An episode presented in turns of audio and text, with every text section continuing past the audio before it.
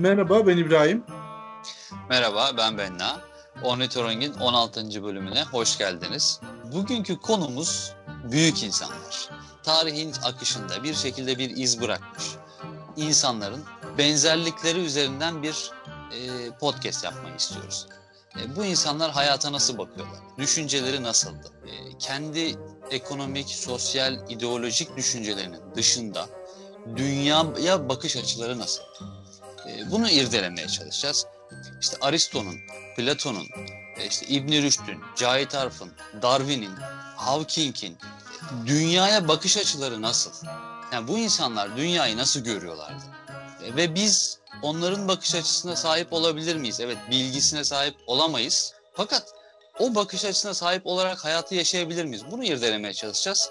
Ee, İbrahim senle başlayalım istiyorsan. Bu insanları tarihe iz bırakmalarına sebep olan ortak özellikler sence nedir abi? Ee, bir defa e, en önemli ortak özellikleri hepsinin bilimle ilgileniyor olması. Baktığımızda e, meşhur olarak algıladığımız yönetici sayısını, yazar sayısını, bilim adamı sayısını bir kefeye koyduğumuzda bilim adamları çok daha fazla sayıda. Ee, şöyle de anlatabilirim bunu. Mesela Newton'un adını duymamış olan kişi var mıdır dünya üzerinde? 7 milyar kişi içerisinde ben 6 milyarının falan Newton'u bildiğini düşünüyorum. Veya Einstein'ı veya işte Galilei'yi veya işte işte Platon'u. Ee, Newton zamanında İngiltere kraliçesi kimdi veya kralı? Bilmiyoruz. Platon zamanında Yunanistan'ı kim yönetiyordu? Bilmiyoruz. Veya işte Einstein zamanında işte Amerikan başkanı kimdi? Belki bu güncel olduğu için biraz daha bilinebilir ama e, bu insanlar birazcık çağlarının ötesinde işler yapmışlar. Ve e, ortak özelliklerine gelecek olursak ben ilk ortak özelliklerini bunların çağlarının ötesinde işler yapmış olmaları olarak görüyorum. Sadece kendi çağına, kendi dönemine hizmet eden, o dönemin sorunlarını çözen, o döneme göre bakış açısı getiren kişiler o dönem bittiğinde tarihin tozlu sayfalarında kaybolabiliyorlar. Ancak ve ancak çağın ötesine geçebilirsen e, bugün dahi adın anılabiliyor. Mesela Cahit Arf'ı örnek verelim. E, geçen programda da biraz bahsettik. İşte makineler düşünebilir mi üzerine yaptığı bir konuşmayı alıp bugün okuduğumuzda e, bugün bizim aslında gördüğümüz, karşılaştığımız yapay zekayı tarifliyor. E, ve bundan 60 sene önce bunu yapıyor. Yaptığı bu çalışma, bu konuşma çok şey bir şey. Nasıl anlatılır bunu? Zamandan muaf bir bakış açısı var. Yani zamanla hiç alakası yok. O dönemde Cahit Arf'ın bunu anlattığı bu dönemde böyle bir şeyi bırakın düşünmeyi hayal etmek bile e, pek çoğumuz için çok zordu. Öyle değil mi bilmiyorum. Hani 60'ların Türkiye'sine biraz baktığımızda, e, incelediğimizde e, darbe yapmaya çalışan birileri var. E, bir tarafta başka bir gruplar var.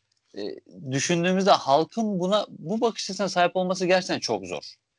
Bu bakış açısına nasıl sahip olabiliriz? Yani bu bakış açısına sahip olabilirsen ancak zaten bilim adamı oluyorsun. Veyahut da çağın ötesinde bir şeyler yapabilen bir bilim adamı oluyorsun. Ee, onun dışında bu bakış açısına sahip değilsen yine profesör olabilirsin ama yaptığın şeyin memurluktan bir farkı olacağını düşünmüyorum. Ee, Cahit Alf gibi işte isimlerini sen saydın Darwin gibi vesaire vesaire isimler kut, ya İngilizceden Türkçe'ye çevireceğim kutunun dışında düşünebilen insanlar. Bağlı oldukları döneme ve paradigmaya kendilerini ayak uydurmak zorunda hissetmeden bir şeyler söyleyebilen kişiler. E, ve ve galiba e, bu kişilerin ortak özellikleri de e, duydukları şey olduğu gibi kabul etmeyebiliyorlar. Çok güzel bir yere değindin. Ee, başka profesörler de olabilir ama böyle bakış açısına sahip olamazlar diye. Ben sana bir soru soracaktım aslında. Sorumu burada hazırlamıştım. Bu bakışa sahip olmak için bilgili olmak şart mı diye soracak. Ama sen öyle bir şey dedin ki çok bilgili bir profesör alalım koyalım bir anda şeye e, ortaya. Ama bu bakışa sahip olamadığı zaman bir şekilde iz bırakamıyor. Ya da iz bırakmaktan öteye geçelim faydalı dahi olamıyor. E, burada bilginin önemi nedir? Hani veya bilginin asgarisi ne olmalı burada? Veya soruyu biraz daha çevireyim. Bilgiyi nasıl kullanmalıyız aslında? Şimdi burada bence e, buna verilecek tek bir doğru cevap olduğunu düşünmüyorum. Burada sadece belirtilecek fikirler vardır bence. E, benim açımdan durum şu. Evet bir konuda kayda değer bir şeyler söylemek istiyorsan eğer o konuda bilgili olmak zorundasın. Fizikte kuantum te- kuantum mekaniği hakkında söylenmemiş ve düşünülmemiş bir şey söylemek istiyorsan birincisi bu sorgulayıcı veyahut da işte farklı şekilde söyleyecek olursak bilimsel bakış açısına sahip olmak zorundasın ve bir yandan bir bilgin de olması gerekiyor. En azından bugüne kadar söylenen şeyler neden yanlış? Çünkü sen onlara bir alternatif getirmeye çalışıyorsun. Neden yanlış? Onu irdeleyebilecek ve söylenen şeylerin yanlış olduğunu gösterebilecek kadar bir bilgin olması gerekiyor. Ha bu bu bakış açısına sahipsen mutlaka faydalı işler yaparsın, mutlaka büyük bir insan olursun diye bir şart var mı? Asla yok. Ee, şartlar ve şans eseri bir dağ köyünde doğan bir amca bir teyze de bu bakış açısına sahip olarak dünyaya gelebilir. Ama onun etki alanı kendi bölgesinde kalacaktır. O yüzden Cahit Arf gibi işte büyük insanlar koyduk ya başına. Cahit Arf gibi, Einstein gibi, Galilei gibi, Kepler gibi insanlar biraz şans eseri ortaya çıkıyorlar. Çünkü hem kişilik özelliği olarak bu sorgulayıcı bakış açısına sahip olması gerekiyor. Hem de bunu bilim adamı, bilim adına kullanabilecek bir ortamda doğmuş olması gerekiyor. Ve bu ikisinin biz kesişmesinin çok zor olduğunu biliyoruz günümüzde. Eskiden daha da zor olduğunu söyleyebiliriz. Sorgulayıp en azından yanlışlığını anlatabilecek kadar bir konuyu biliyor olmaktan bahsettin. Ama bizim hayatımızın içerisinde biliyoruz ki biz bazen hiç bilmediğimiz, hakkında hiç fikrimiz dahi olmayan konularla ilgili birileri bize sorur, arkadaşlarımız olabilir veya yakın çevremiz oluyor. Bize bir şeyler soruyorlar ya da fikir istiyorlar, danışıyorlar bir şekilde. E, daha doğrusu bizim bilgili olduğumuzu düşünen insanlar hepimize başına geliyor. Fikir soruyorlar. Burada ne yapmak gerekiyor? Açıp bunu öğrenmek mi gerekiyor? Yoksa çok ilginç bir bakış açısı vardır. Ee, Anadolu kültüründe bu çok vardır. Daha doğrusu tasavvuf kültüründe. Bilmiyorum. E, bu otobüs kaç kilometre hızla gidiyor şu anda? Çok basit bir soru sordum. Bilmiyorum. Neden bir tahmin yürütelim ki? Aynı Anadolu'dan mı bahsediyoruz? Ben Anadolu'da bilmiyorum diye bir kelimenin olduğundan habersizim. Eski, eskiden, günümüzden bahsetmiyorum. Eski, eskiden bahsediyorum. Mesela çok basit, çok küçük bir pasaj vereyim. Ee, Yunus Emre, bildiğimiz Yunus Emre olmadan önce e, işte bu tasavvufla bir terbiye yöntemiyle başladığında e, ona verilen ilk zikir bilmiyorum zikridir. Kim hmm. sana bir şey sorarsa ben bilmem diyeceksin diyorlar. Ve böyle başlıyor. Yani böyle bir e, terbiye metodu var. Terbiye metodu deyince aklıma şey geldi. Geçenlerde bir kitap okumuştum. Seninle de bunu paylaştım. Ee, yine bir profesör, ordinary profesör e, Ali Fuat Başkil'in e, Gençlerle Baş Başa diye çok güzel bir kitap. E, ben herkese tavsiye ederim. Hangi yaşta olursanız onu okum, okumanızı tavsiye ederim. Buradan iki şeye değineceğim. Bir tanesi hani böyle e, çağın ötesinde bir bakış açısıyla konuştuk ki ona bir örnek vermek istiyorum. Tabii. E, diyor, diyor ki kitabın içerisinde bir genç mektepte her şeyden evvel memleketin dilini mükemmel bir surette öğrenir. Bu bakımdan bizim mekteplerimizin geriliğini ve acıklı halini düşünürsek millet ve memleketini seven bir insan için üzülmemek elde değildir. Şimdi buradan öyle bir yaklaşım yapıyor ki ya öyle bir yaklaşım var ki burada e, şu anda bizim işte üniversiteye kadar bütün eğitim sisteminin acziyetini ortaya koyuyor aslında. Haksız mıyım bilmiyorum. Yani şöyle ben de daha yakından hatta kendi bizzat yaşadığım bir örnek vereyim. Visual Cognition adında bir ders alıyorum Cengiz Acar Türk hocadan. Ee, ben çok kıymetli bir insan olduğunu düşünüyorum. Dün bir dersimiz vardı. Ee, derste hoca şey dedi. Bu derslerin tam olarak ben online derslerin adresine ulaştığını düşünmüyorum. Çünkü ders dediğiniz şey sadece bilgi aktarımı değildir sadece bilgi aktarımı olacak olsa onu çok daha yapılı bir şekilde kitaplardan veyahut da önceden kurgulanmış videolardan edinebiliriz. Ama tecrübelerimiz ve bilimsel araştırmalar gösteriyor ki sınıf ortamında öğrenme seviyesine henüz ulaşamadı online eğitimler. Bunun sebebi de şu olsa gerek diye düşünüyorum dedi hoca. Ee, okul bize sadece bilgi aktarmak için var olan bir kurum değildir. O ders esnasında hoca tahtaya çıktığındaki saçmalamalarıdır aslında eğitim kurumu dedi. Çünkü önemli olan orada nasıl düşünüldüğünü göstermektir öğrenciye. Hani bir teori anlatırken, Newton'un bir kuralını anlatırken Newton bunu nasıl, nasıl düşünmüş, nerede hata yapmış veya hoca kendi kendine konuşurken nasıl düşünüyor? Öğrencinin bunu görüp bunu anlaması gerekiyor. Halbuki kitaptan Newton'un kurallarını gayet yapılı, yapısal bir şekilde düzgün hazırlanmış bir şekilde okuyup öğrenmemiz mümkün olması gerekir bilgi aktarımı olsa. Gençlerle Baş Başa kitabında da söylendiği üzere e, eğitim kurumlarının bu konuda yaklaşımlarını belki birazcık değiştirmeleri gerekiyor olabilir. Doğru yerden mi yakaladım ben bilmiyorum. Ee, yakaladığın kısım doğru. Ee, yani eğitim kurumlarının evet aslında bizim kurum derken biraz özelleştirmemek lazım. Onu da demek istiyorum. Bizim komple bir sistemi yeniden ele almamız gerektiğini düşünüyorum bu konuda. Yani A'dan Z'ye. Yani çünkü yanlış yaptığımız bir şeyler var. Şöyle baktığımız zaman e, Türkiye'de Cumhuriyet'in ilanından sonra çok süratle bir eğitim seferberliği var aslında. Ciddi manada okullardan sürekli insanlar yetişiyor yetişiyor. Ama bir süre sonra bakıyoruz ki insanlar bu okullardan yetişen insanların seviyesi bu okullardan çıkmış insan seviyesinden daha aşağıda kalıyor.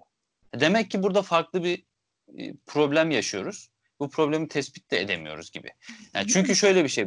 Bu okullarda bu kadar eğitim görmüş insanların en azından bir belli bir bakış açısına hani bizim bu anlatmaya çalıştığımız kimsenin biz profesör olmasını beklemiyoruz. Herkesin veya öyle değil. Tabii ki profesörler olacaktır ama herkesin profesör olmasını ve herkesin işin uzmanı olmasını beklemiyoruz. Fakat bir uzman gözüyle bakabilmeyi en azından bilmediği zaman bilmediği bir konuda nereye danışacağını bilen insanlardan bahsetmek istiyorum. Yani anlatmak istiyorum daha doğrusu. Einstein, Buradan şuraya git. Einstein'in evet. çok güzel bir lafı var bununla alakalı. Ee, bir konu hakkında bilmeniz gereken tek şey kütüphanenin yeridir diyor. çok güzel. Mesela Sokrates de bununla ilgili çok meşhurdur. Bildiğim tek şey hiçbir şey bilmediğimdir diyor. Şimdi burada biraz mevzuyu dağıtıyor gibiyiz ama e, şimdi Cumhuriyet'in ilk yıllarından bahsettin. E, Atatürk daha Kurtuluş Savaşı'nın çok yeni bitmişken o dönemin eğitim alanında rockstarı birisi var John Dewey diye. Onu Türkiye'ye davet ediyor. Yani sen asker adamsın. Nereden biliyorsun? Nereden duydun bu adamı da getirdin memlekete hani bizim eğitim sistemimize bir bakın ee, ve hani bize rapor çıkarın diye bunu işte Milli Eğitim Bakanlığı'na iletiyor. Ee, vizyoner bir bakış ama ne yazık ki e, Milli Eğitim Bakanlığı bu işi organize ederken John Dewey'i Türkiye'ye yaz tatili sürecinde getiriyor benimle. Adam geliyor, boş binalara bakıyor ve gidiyor. Harikaymış. Ee, tabii burada çok güzel buradan bir o zaman paradigmaya geçiş yapalım. E, şimdi bu insanların büyük insanların bir ortak özellikleri de e, içinde oldukları paradigmadan bağımsız hareket edebiliyorlar. Yani bir devlet devlet kurumunda çalışıyor olsa dahi o devlet bir şey yanlış yapıyorsa bunu eleştirebiliyor. Mesela Ali Fuat Başgil bu eleştiriyi yaparken hani Gençlerle Baş Başa kitabında eğitim kurumlarını eleştirirken aynı zamanda bir üniversitenin dekanı. içinde olduğu şeyi eleştirebiliyor. Daha doğrusu paradigmanın dışın e, o paradigmaya itiraz da edebiliyor o paradigmanın hatalarını da sorgulayabiliyor. Yani yönetici erki ke itiraz edebiliyor. Hani bunu Sokrates'e görüyoruz. Sokrates diyor ki mesela ben diyor bir at sineğiyim diyor. Devlet diyor tembel at gibidir. E, at sinek nasıl atın sırtına konulunda at onu e, kaçırmak için böyle bir tepinir. Hareket eder. Onun kasları gelişir. İşte ben de devleti yönetenleri böyle rahatsız ediyorum at sineği gibi. Böylelikle devlet gelişiyor diyor. Ve o dönem neyle suçlanıyor? Terörist dönem. Bugün, bugüne, bugünküne çok benzer. İşte tanrılara ina, itaat etmiyorsun, tanrılara inanmıyorsun. İşte devlete baş kaldırıyorsun gibi gibi kurallara bundan dolayı da bir adam savunması bile yazılıyor. Hepsi aslında benzer şekilde. Yani bu tarz büyük insanların tamamı benzer e, suçlamalara maruz kalıyor. Ben bunu Mevlana'da da görüyorum. İbn Rüşd mesela bir başka örnek. E, biliyorsun İbn Rüşd şöyle bir adam. Avrupa aydınlanmasının temel taşlarından bir tanesi. Hatta bizim e, Ornitöreng'in podcast e, resminde de Atina Okulu adında bir resim kullanıyoruz biz. E, o resimde o, o resimde de olan tek İslam bilgini diye düşünüyor diyebiliyorum. E, şöyle bir şey var. O kadar bir ayrım yapıyor ki İbn Rüşd din ve bilimi birbirinden ayırıyor kendi dönemi için. Bu çok büyük bir şey. Hani bugün için ışınlanma gibi bir şey aslında. Hani büyütürsek, bugüne getirirsek bu kavramı, ışınlanmayı bulmakla o gün dini ve bilimi birbirinden ayırmak aynı şey. Kendi içinde bulunduğu paradigmaya itiraz eden bir hareketi var. Bu çok önemli. Yani kendisi de bir Müslüman ve dindar aynı zamanda kadılık yapıyor. Evet. E, buna rağmen bunun için diyor ki hayır bu böyle olmaz. Bu ikisini bir arada tutarsak başarı elde edemeyiz. Diyor ve e, sonucunda Avrupa aydınlanmasını görüyoruz aslında. Yani evet e, burada ortak özellik ararken belki de e, yanlış anlaşılma olmuş olabilir. Kişilik özelliklerine bakmıyoruz. Tarihte epeyce hani ateist ve bir yaratıcı kavramına inanmayan e, bilim adamı görebileceğimiz gibi mesela senin örnek verdiğin İbn Rüşd bir kadıymış. Newton hı hı. belki de tarihin en büyük bilim adamı diye geçen kişi ki e, bir kitapta e, kimdi yazarı şimdi unuttum ama e, fizik öyle bir noktaya geldi ki artık tıkanma noktasındaydı ve Tanrı bize Newton'u yolladı derler. Çok güzel. Bundaydı. E, Newton bu derece önemli bir kişidir dünya tarihinde. E, bir bilim adamıdır dünya tarihinde. Baktığında inanılmaz koyu bir Katolik. Ve e, bugün bizim e, Ömer Çelakıllar diyorum ben onları. Evcet hesabıyla Kur'an'dan bir şeyler çıkartmaya çalışan tayfa var ya benimle. Evet e, abi. Newton da vakti zamanında İncil'den ölümsüzlük iksiri arıyormuş. Ve vakti zamanında yine ve şeydeyken yine e, İngiliz Bilimler Akademisi'nde odası varken orada hoca olarak çalışırken simyacılıkla uğraşıyormuş. Şimdi dolayısıyla kişilik özelliklerinde ortak bir şey bulmak çok söz konusu değil. Bir tanesi işte çok evcimen bir adam olurken Darwin dediğim bir adamın belki evi yok. Sürekli gezme hali. Burada senin yaklaştığın yer çok güzel. Bir bakış açısı farklılığı var. Bir m, otoriteye baş kaldırma. Otoriteden kastımız illaki devlet ve yönetim olarak düşünmeyin bunu. O dönemin bilimsel paradigmasına karşı baş kaldırma durumu var. Ee, mesela Einstein'in yaptığı e, Newton fiziği dünyada inanılmaz bir şekilde kabul olmuş, kabul görmüş ve hiçbir şekilde doğruluğu şey yapılmadan, tartışılmadan artık bir kanunmuş gibi kabul edilirken hayır bu yanlış diyebiliyor. Zaten diyebildiği için Einstein oluyor ama bunu diyebilmesi için de bir miktar bir şey bilmesi gerekiyor önceden. Yani iç içe bu başta sorduğun soruya dönüyorum. Bilmesi Hı-hı. gerekiyor mu? Evet bilmesi gerekiyor mu? Yeterli mi? Asla değil. E, buradan şuraya geliyoruz o zaman. Birincisi belli bir bilgimiz olması gerekiyor. Eğer bilmiyorsak öğrenmenin nereden öğreneceğimizi bilmemiz gerekiyor. Bu çok önemli. Demek ki buradaki bilgiyi şöyle tanımlayabilir miyiz o zaman biz? Ee, en başa dönersek bilgi şudur. Neyi nereden öğreneceğini bilmektir. Bu program için bilgiyi böyle tarifleyebilir miyiz? Sence? Ee, birkaç ekleme yaparak tarif edebiliriz. Evet doğru. Bilgi, bilgi bilgiyi nereden bulacağını bilmektir. Gayet güzel bir tanım abi. O zaman ikinci aşama yani bu büyük insanların sahip olduğu bakış açısında ikinci ilk aşama bilgiydi. Bunu tanımlayabildik. İkinci aşama gelsek bir paradigmaya karşı çıkma.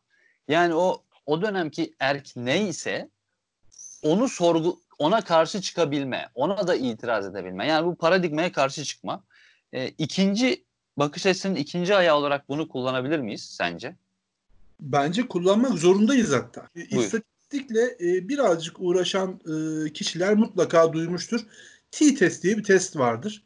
Çok temel bir istatistik testidir. Evet çok yetenekli değildir ama temel seviyede birçok ihtiyacımızı görür.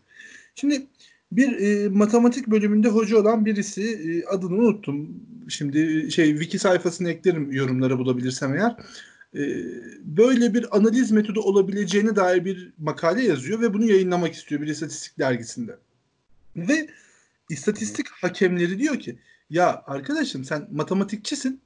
Hani kendi alanınla ilgili şeyler yaz. Bizi bize bulaşma. Sen bunları nereden biliyor olacaksın ki deyip makaleyi yayınlamıyorlar. Puan bile vermiyorlar, direkt reddediyorlar. Sonrasında e, bu T-testi bulan kişi kendisini istatistik bölümü dördüncü sınıf öğrencisi olarak tanıtarak student test diye yayınlıyor bunu. O sonundaki T-testte student'ın son harfi olan T'den gelen T-test. Tabii şey hakemlere gidiyor. Hakemlere gidiyor. Hakemler tabii tahmin ediyorum şu an gülerek lan istatistik dördüncü sınıf öğrencisi sen kim oluyorsun diye birazcık da dalga geçiyorlardır diye tahmin ediyorum. Makaleyi okuyorlar ve ortaya bir şaheser konmuş ve mecburen yayınlıyorlar. Ve o test o günden bugüne hala T-test olarak devam ediyor. Şimdi burada varmak istediğim nokta şu. Sen bir yapının içerisindeysen e, o yapının doğrularını ve yanlışlarını ancak sindirdiğin ve onları uyguladığın zaman o yapıda karar verici noktaya gelebiliyorsun. Biz bunu seninle siyaset konuşurken de çok tartışırız.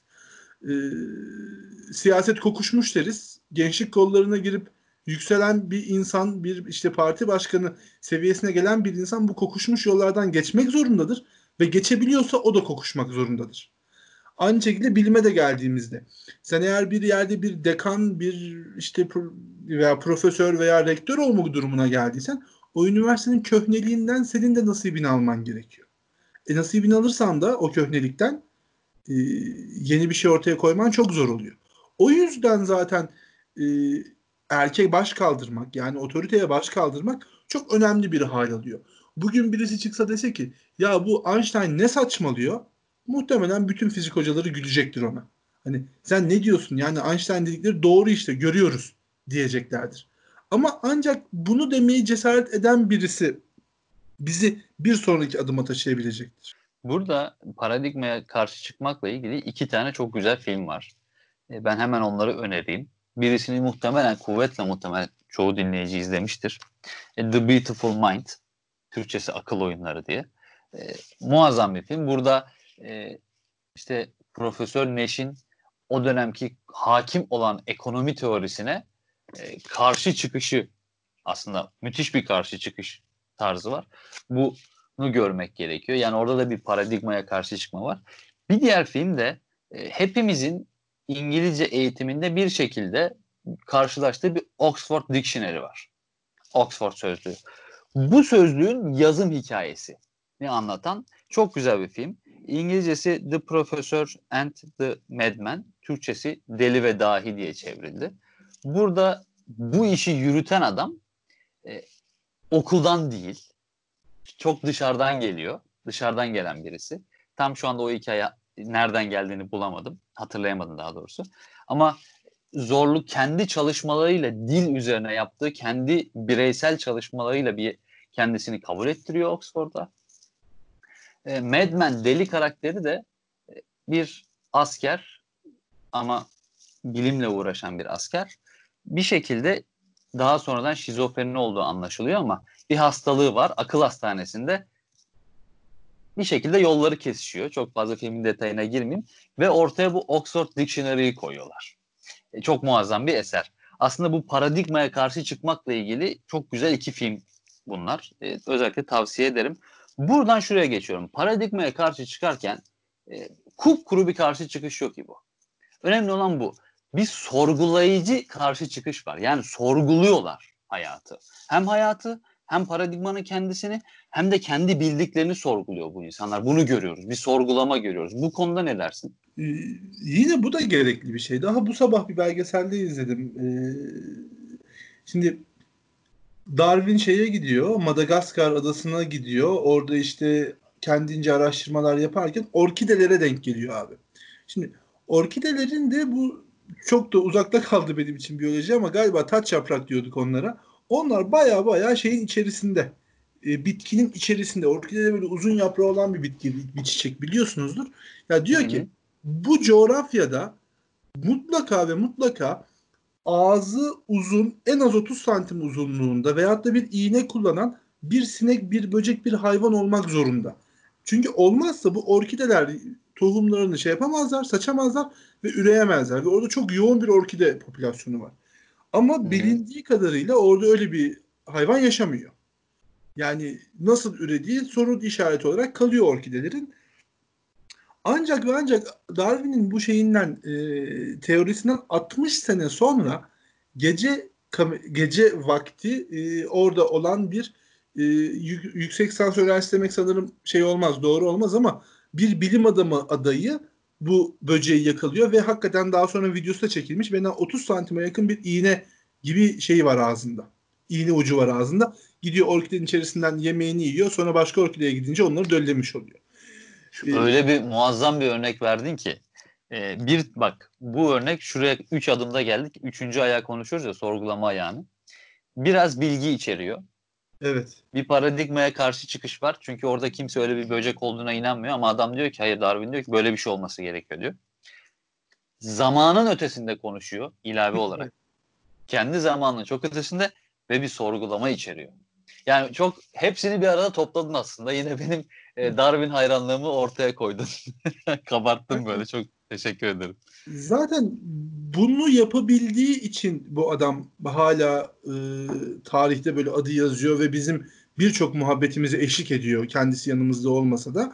ve eminim ki uzun süreler daha eşlik etmeye devam edecektir birçoklarının muhabbetine. Sorgulamak deyince ben buradan hemen sorgulama ile ilgili bir araştırma yaptığımda neyi sorgulamamız gerektiğini dair böyle okuyup araştırma bir araştırma yaptığımda şuraya varıyorum. Özellikle kendi coğrafyamızda, bizim Anadolu coğrafyamızda çok karşılaşıyoruz bunlar. Kendini sorgulamaya gidiyor bu bakış açısı. Batı'da da var ama Anadolu'da çok daha böyle yoğun halde var. E, Kendisin, kendini sorgulama hali. Yani kendini bilme, kendini öğrenme, kendinin farkına varma. Artık hangisini kabul ediyorsak. E, bu sorgulamaya kaçıyoruz.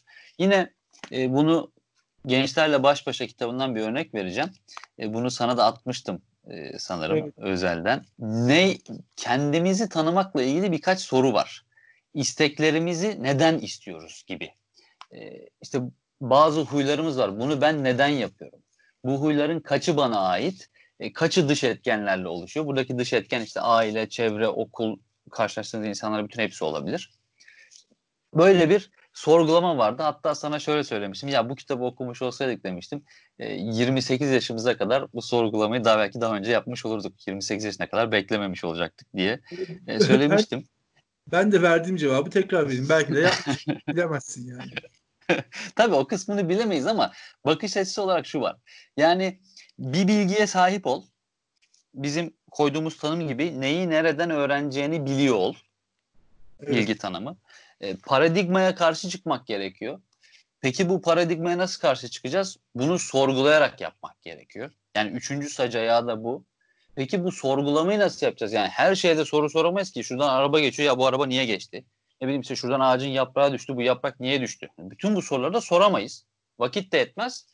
E, bizi bir yere de götürmez aslında. Peki nasıl sorgulama yapacağımız dediğimiz zaman hı hı. önce bizim kendimize kendimizi tanıtan bir sorgulama yapmamız gerek. Yani kendimize kendimizi sorgul bundan ne kastettiğini anlamadım pek açıkçası ama e, galiba burada bizim metoda güveniyor olmamız gerekiyor. Ee, yani şöyle şöyle söyleyeyim. Ya bu ne anlatmak istediğimi araya girerek yapayım bunu. Örnek veriyorum. E, sen bir bilim adamı olacaksın. Böyle bir içinde bir istek var. Daha çocuk yaştasın. Fakat bilimin onlarca yüzlerce dalı var. Hangisini seçeceksin? Veya bilim adamı değil de bir fel, e, ressam olacaksın. Veya işte bir şair olacaksın. Bunu nasıl seçeceksin bu seçimi?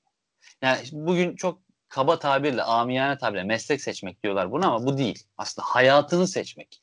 Bundan sonra gelecekteki hayatını seçmek. Daha doğrusu buna karar vermek için bir sorgulama yaparken insan kendisini bilmesi gerekir. Ben ne istiyorum? Örnek veriyorum bana şu anki aklımla sorsanız ne olmak istersin Benna diye felsefeci ya da tiyatrocu derim. Ama bundan 15 sene önce maalesef bunu bu sorgulamayı yapamamış olduğum için gemi mühendisi oldum. Gibi. Yani böyle bir şey örnek veriyorum. Yani şöyle bir şey. E, yaptığı işten keyif almayınca yani o yaptığı iş kendisiyle kendisiyle özdeşleşmeyince olmuyor sanki. Bana öyle geliyor. Yani bu sorgulamadan buraya geçmek istiyorum. Yani Einstein o bilimi yaparken onu muhtemelen kendisiyle özdeşleşmiş bir şey vardı. Veya işte Mevlana da böyle, İbn Rüşd de böyle. Kendisiyle özdeşleşmişti o. Darwin de öyle mesela. O sorgulayıcı, araştırıcı tarafı, merak tarafı kendisinin içinden geliyordu. Ona içinden bir karşılık bulmuştu. Bulmasaydı bu olamazdı. Kesinlikle yani şey bizim lisede Mustafa diye bir arkadaş vardı hatırlarsın. Bilkent'te fizik okumuştu o da galiba herhalde şu an hoca falan olmuştur bir yerlerde. Veya Hı. işte savunma sanayine girmiştir. Ankara'da öyle yürüyor genelde işler. Ee, onun bir benzeri e, ODTÜ'de benim Şahin diye bir arkadaşım vardı. Bir iki alt dönem. Yanlış hatırlamıyorsam matematikten çift anadal yapıyordu. Gayet de sosyal, böyle hani konuşkan, neşeli bir arkadaştı. Ee, mesela boş vakitlerinde sen ne yaparsın, ben ne yaparım? İşte oyun oynarız, muhabbet ederiz, işte kitap falan okuruz, bir yerlere gideriz. Şahin bunlardan geri kalmıyordu. Ama bir yandan da buna random fizik soruları çözmeyi eklemişti. Yani hı hı. O, odasında otururken hani sen dizi izliyorsun mesela. E, o fizik sorularıyla ve kendinden büyük fizik sorularıyla uğraşıyor. Yani bu adam zaten bunu yapmak için var.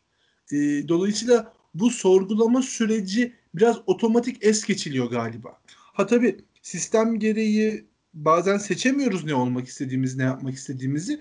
O yüzden de hem de erke de baş kaldırabilmek için biraz da cesaret gerekiyor. Pekala Şahin dediğim arkadaşım elektrik elektronik mühendisliği okumayı tercih edip şu an işte beş haneli paralar alıp keyfine bakıyor olabilirdi. Ama bunu istemedi. Ve ben inanıyorum ki mutlaka günün birinde bir yerde bir otoriteye baş kaldırısı olacaktır. E, burada bir şeye itiraz edeceğim. Ee, senin sözün arasında geçti. Boş vakit diye bir şey. Temelde yapmam bu insanların olmayan, bu insanlarda hep olanları anlattık ya. Bu insanlarda bir de olmayan bir şey var. Boş vakit. Hakikaten boş evet boş vakitleri yok. Mesela İbn Rüşd'le ilgili çok ilginç bir e, rivayet var. O da şu. Hayatı boyunca sadece iki gece çalışmadı deniyor. Bunlardan bir tanesi babasını kaybettiği, babasının vefat ettiği gece. Diğeri ise evlendiği gece. Mesela bir başka örnek veya bunlar ne kadar gerçek bilmiyorum. İşte Einstein gibi, İbn Sina gibi çok büyük düşünürlerin e, günde bir ya da bir buçuk saat kadar uyudukları. Kalan vakitlerin tamamını neredeyse çalışmaya ayırdıkları.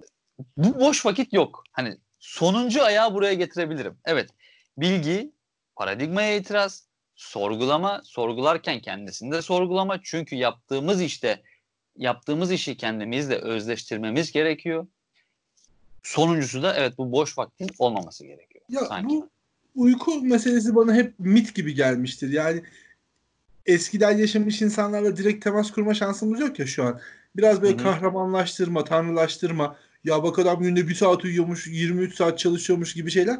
Ee, bence bunlar bir bilim adamının ya da işte böyle tarihe adını yazmış bir büyük insanın ol, sahip olması gereken ortak özelliklerden birisi değil. Ee, şöyle gireyim. Bunu şöyle açıklayayım burayı ben de. Tabii ki 23 saat boyunca kendi işini yapmıyor. Fakat e, yaptığı işin daha doğrusu şöyle. Boş vakit olarak bir şey yapmıyor. Yani vakit kaybetmek için işte vakit geçirmek için daha doğrusu bizim hani çok bir tabirimiz vardır e, yaygın. Vakit öldürmek. Vakit öldürmek için bir şey yapmıyor. Yaptığı şeyleri genellikle kendisinden bir parça bulup kendisiyle özleştirip orla kullanıyor. Mesela işte örnek verdiğin Şahin. Oyun da oynuyordu. Ben kimse oyun oynamasını demiyorum da illa ki oynar. E, oyun da oynuyordu ama bir arada böyle bir fizik sorusu çözüyor dedi. İşte bak bu kendisinden bir şeyi alıp bir vakit değerlendirme. Bak vakit öldürme değil. Vakit değerlendirme olarak yaşamış aslında, yaşıyor aslında. Ya evet burada mevzu biraz farklı e, yerlere gidiyor olabilir ama ben günde 10 saat uyuyarak da günde 15 saat uyuyarak da insanlık tarihine geçebilecek işler yapılabileceğine inanıyorum açıkçası. Süre yeter mi buna emin değilim. Ama buradaki o yaklaşımın hani az uyumaktan geçtiğini düşünmüyorum. Yok, Tabii ki az uyumak değil. Asıl e, temel iş, mantığı boş vakit olmaması. Ya işin içine girdiğinde zaten belli bir seviyenin üzerine çıkmak istediğinde hiçbir şey yapmıyor olman gerekiyor. Çünkü artık o kadar uzun yıllardır, yüzyıllardır birikilen bilgi, biriktirilen bilgiler var ki hani şey dedik ya başta ya bu adamlar ne söylüyor? Buna itiraz etmek için önce bir ne söylendiğini bilmen gerekiyor. Bu süreç zaten kendisi çok uzun sürüyor ve başka hiçbir şeye vaktin kalmıyor. Neyse durumu şey yapacak olursak hani biraz toparlayacak olursak bu insanlar halktan farklı olarak ne yapıyorlar? Evet şu an senin dediğini yapıyorlar. Zaman öldürmüyorlar abi. Oyun evet, da oynuyor olabilir. Arkadaşıyla goy goy da yapıyor olabilir. Yani müzik de dinliyor olabilir ama bunu yaparken ki amacı genelde vakit öldürmek. Hani saatler geçsin, günler geçsin amacıyla yapmıyorlar. Halktan farklı yaptıkları şey bir bu olabilir. İkincisi bilgiye inanılmaz derecede açlar. Ee, Yüzüklerin Efendisi'nde bir örümcek vardır. Işığa açtır ve hı hı. dünyayı aydınlatan ağaçları yediği halde doymaz. Biraz onlara benzetiyorum ben bu bilim adamlarını öğrendikçe öğrendikçe doymuyorlar. Ve bu bir ön şartmış gibi geliyor bana. Ha tamam artık bu konuda bunları öğrendim. Şimdi sıradaki diyen kişi zaten hani o seviyede değildir gibi geliyor bana. Bunu demek zorunda mıyız benim sıradan insanlar olarak sen ben? Buna hayır cevap vereceğim ben ama sen ne düşünüyorsun merak ediyorum. Şöyle tabii ki yani bunu öğrendim sıradaki ne bakış açısında evet normal hani ortalama insanın buna sahip olmaması gerektiğine inanırım. Fakat en azından bir meraka sahip olması gerektiğini düşünüyorum. Ya bu böyle ama niye böyleyi sorması lazım. En azından asgari düzeyde bir meraka sahip olmamız lazım. İşte yolda giderken bile e, işte bizi birisi bize bir şey pazarladığında ya niye bunu yapıyor acaba diye bir sormamız lazım. O zaman farklı bir bakış açısına sahip olabiliriz. Ben böyle inanıyorum en azından. Yani evet tepeden gelen hani babadan gelen, anneden gelen, öğretmenden gelen her şey olduğu gibi kabul etmemek bu bilimsel bakış açısına e, ulaşmak için bir başlangıç olabilir. Ama biz hani en üst seviyeden en üst seviyedeki kişileri konuşmaya başlamıştık burada. e, şöyle bir durumdan bahsetmiştim ya podcast'in başında. Bir, bilecek yani bilgiye aç olacak. iki cesur olacak otoriteye karşı çıkmak için. Üçüncüsü de bunların hepsini birleştirecek bir sorgulayıcı bakış açısına sahip olacak. Ve ortamı da buna müsait olacak. Bunların hepsinin bir araya gelmesi o kadar zor ihtimal ki. Hepsinin bir kişide ortaya çıkması o kadar zor ihtimal ki. Ee, bizim burada yapabileceğimiz tek şey bence e, bu bilim ortamını olabildiğince özgürleştirip bunun yaygınlaşmasını sağlayıp halka öyle inmesini beklemek veya ummak. Yani Şöyle mi söylüyorsun? Üniversiteleri rahat bırakın demek istiyorum. Çok doğru. Şöyle mi söylüyorsun aslında? Bizim öncelikle bu bakış açısını koruyan, gözeten ve büyüten bir sisteme ihtiyacımız var aslında değil mi? Çok güzel çünkü, çünkü hepimiz de bu özellikler bir araya gelemez. Fakat sen çok bilgilisindir. Ben paradigmaya karşı çıkan birisiyimdir. Üçüncü bir kişi vardır. O da çok sorgulayıcıdır. Bu üçümüzü bir araya getirebilecek veya ortak çalıştırabilecek bir sistem aslında. Bizi kurtarabilecek şey bu olabilir. Yoksa veya buna kişi kişi sahip olan bireysel olarak buna sahip olan kişileri koruyup bu özelliklerin hayatta kalmasını sağlayabiliriz. Yani evet, bu da evrim olarak bunları çoğalmasına sebep olur aslında. Aynen öyle. Son olarak kapatmadan önce ben son bir konuyu da konuşalım istiyorum. Biz sıradan insanlarız, halkız. Sen de ben de. E, ve bizim az önce tariflediğimiz gibi bir sistemimiz de yok maalesef. Peki sıradan halk olarak biz bu bakış açısına sahip olabilir miyiz? Olursak nasıl sahip olabiliriz? Elimizdeki argümanlar belli. Yeni argüman yaratmadan bu argümanların hangilerini kullanmalıyız sence? Yani e, halk olarak e, böyle bir bakış açısına sahip olman çok da önemli değil. Olaya bilimsel gelişme olarak bakıyorsak tabii ki. E, sadece bu bakış açısına sahip olan kişileri taşlama, öldürme yeterli. Saygı duy yeterli. E, ha günlük hayatımızı kolaylaştırmak için e, daha konforlu yaşayabilmek için bu özelliklere sahip olmalı mıyız? Hayır. Eğer ki amacımız rahat ve mutlu bir yaşamsa e, otoritenin dediğini kabul etmek en kestirme yoldur. E, şu an seni şiddetle esefle kınıyorum. E, bu podcast'te otoritenin dediğini kabul etmekten bahsettin. Hakikaten böyle kabul etmiyorum. Bu düşünce kabul edilebilir bir şey değil benim açımdan. Yani ee... sen benna olarak kabul etmeyebilirsin bunu ama toplum olarak düşündüğünde yani Hayır sen beni yanlış anladın da. Kalabalıkların e... mutluluğu olarak bakarsak e, hayır abi sorgulamak zararlı bir şeydir. Ama mesele bilimin ilerlemesi ise e, bu adamlara saygı duymamız halk için yapabil halk olarak yapabileceğimiz yegane şeydir. Hayır hayır ben sen beni çok yanlış anladın da örnek veriyorum. Şöyle çok basit bir örnek. Bir baba oğul ilişkisini düşün. Baba oğul ilişkisinde de babanın en azından böyle bir bakış açısına sahip olursa bilimsel değil en azından açık fikirli. Hani ne bilgiyi nereden öğreneceğini bilir, paradigmaya ufak tefek karşı çıkabilir, paradigmayı delebilir, işte sorgulama yapabilir, bir bakışa sahip olursa onun oğlunun daha kolay yetişebileceğini düşünüyorum. Ve veya dönelim e, bizim ikili ilişkilerimizde belli bir bilgi seviyemiz olursa ne bileyim paradigma ile ilgili çok köktenciliğimiz olmazsa daha rahat anlaşırız diye düşünüyorum. Çünkü yaşadığımız topluma biraz bakarsan bağlı olduğumuz paradigmalara çok sıkık ve kökten bağlıyız. Bunları hiç değiştirmeyi düşünmüyoruz. En azından ya bunların yanlış olabilme ihtimali veya o farklı bakış açısına nasıl sahip olabilir insanlar? Ben aslında bunu sormaya çalıştım. Ee, küçük böyle nasıl diyeyim sana keskin kenarlarımızı temizlemekten bahsediyorum aslında. Tamamen bu bakış açısına sahip olan bir halktan bahsetmiyorum. Sadece keskin kenarlarımızı nasıl temizleyebiliriz diye sorun buydu aslında. Ya baba örneğine gelip başka yere alacağım mevzuyu. Şimdi baba eğer oğluna e, bu bakış açısını kazandırmaya çalışırsa ki bu bakış açısında otoriteye karşı çıkma da var. Babanın baba olduğu için doğal olarak elde ettiği hakların da sorgulanmasının önü açılır. Ve hiçbir baba, baba yani da istemez. o yüzden bu çok İsteyen babalarla ben tanıştım. Ben evet, isteyen çok, babalarla tanıştım. Çok az benimle. Yani onları yok sayabiliriz. İşte onlar gibi babalar nasıl olabilir? Hani buradan şöyle şunu istiyorum ya senden açıkçası. Buna nasıl sahip olabiliriz biz? Olamayız.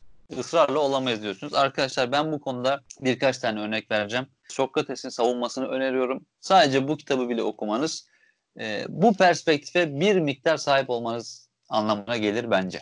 Evet İbo sen ne dersin buraya? Ee, Yani Sokrates'in savunmasını lütfen herkes okusun. Zaten 40-50 sayfa böyle bir çay molasında bile okunabilecek uzunlukta ve çok akışkan bir kitap. Yani hiç zo- zorlamıyor, yormuyor kişiyi. Kim çevirmişse günümüz Türkçesine gayet de güzel çevirmiş. Ee, Onu zaten bir okuyun yani. O kitap beni irkiltiyor. Yani 3000 yıldır, 2500 yıldır hala aynı şeylerle uğraşıyor olmamız e, gerçekten çok üzücü ve komik geliyor bana. O yüzden de zaten olamayacağımızı, o sorgulayıcı bakış açısına sahip olamayacağımızı düşünüyorum. Benim bu düşüncemi besleyen en kuvvetli kaynaklarımdan birisi de Sokrates'in savunmasıdır. Yani bu kadar uzun süredir halkta ve yönetimde ufak da olsa bir değişiklik gösteremiyorsak eğer demek ki bizim doğamız bu. Bunu kabul etmek gerekir ve bunun üzerine bir şeyler bina etmek gerekir diye düşünüyorum. Dolayısıyla biz topluma bu sorgulayıcı halk sıradan halka bu sorgulayıcı bakış açısını veremeyeceğiz. En azından bu sorgulayıcı bakış açısına sahip olanlara kıymet vermelerini belki sağlayabiliriz. Ee, ben senin kadar negatif değilim ve Ali Fuat Başgel'in Gençlerle Baş Başa kitabından bir cümleyle bitirmek istiyorum. Bu takdirde hayatımızın planı şu olur. Gayret, her gün biraz daha gayret.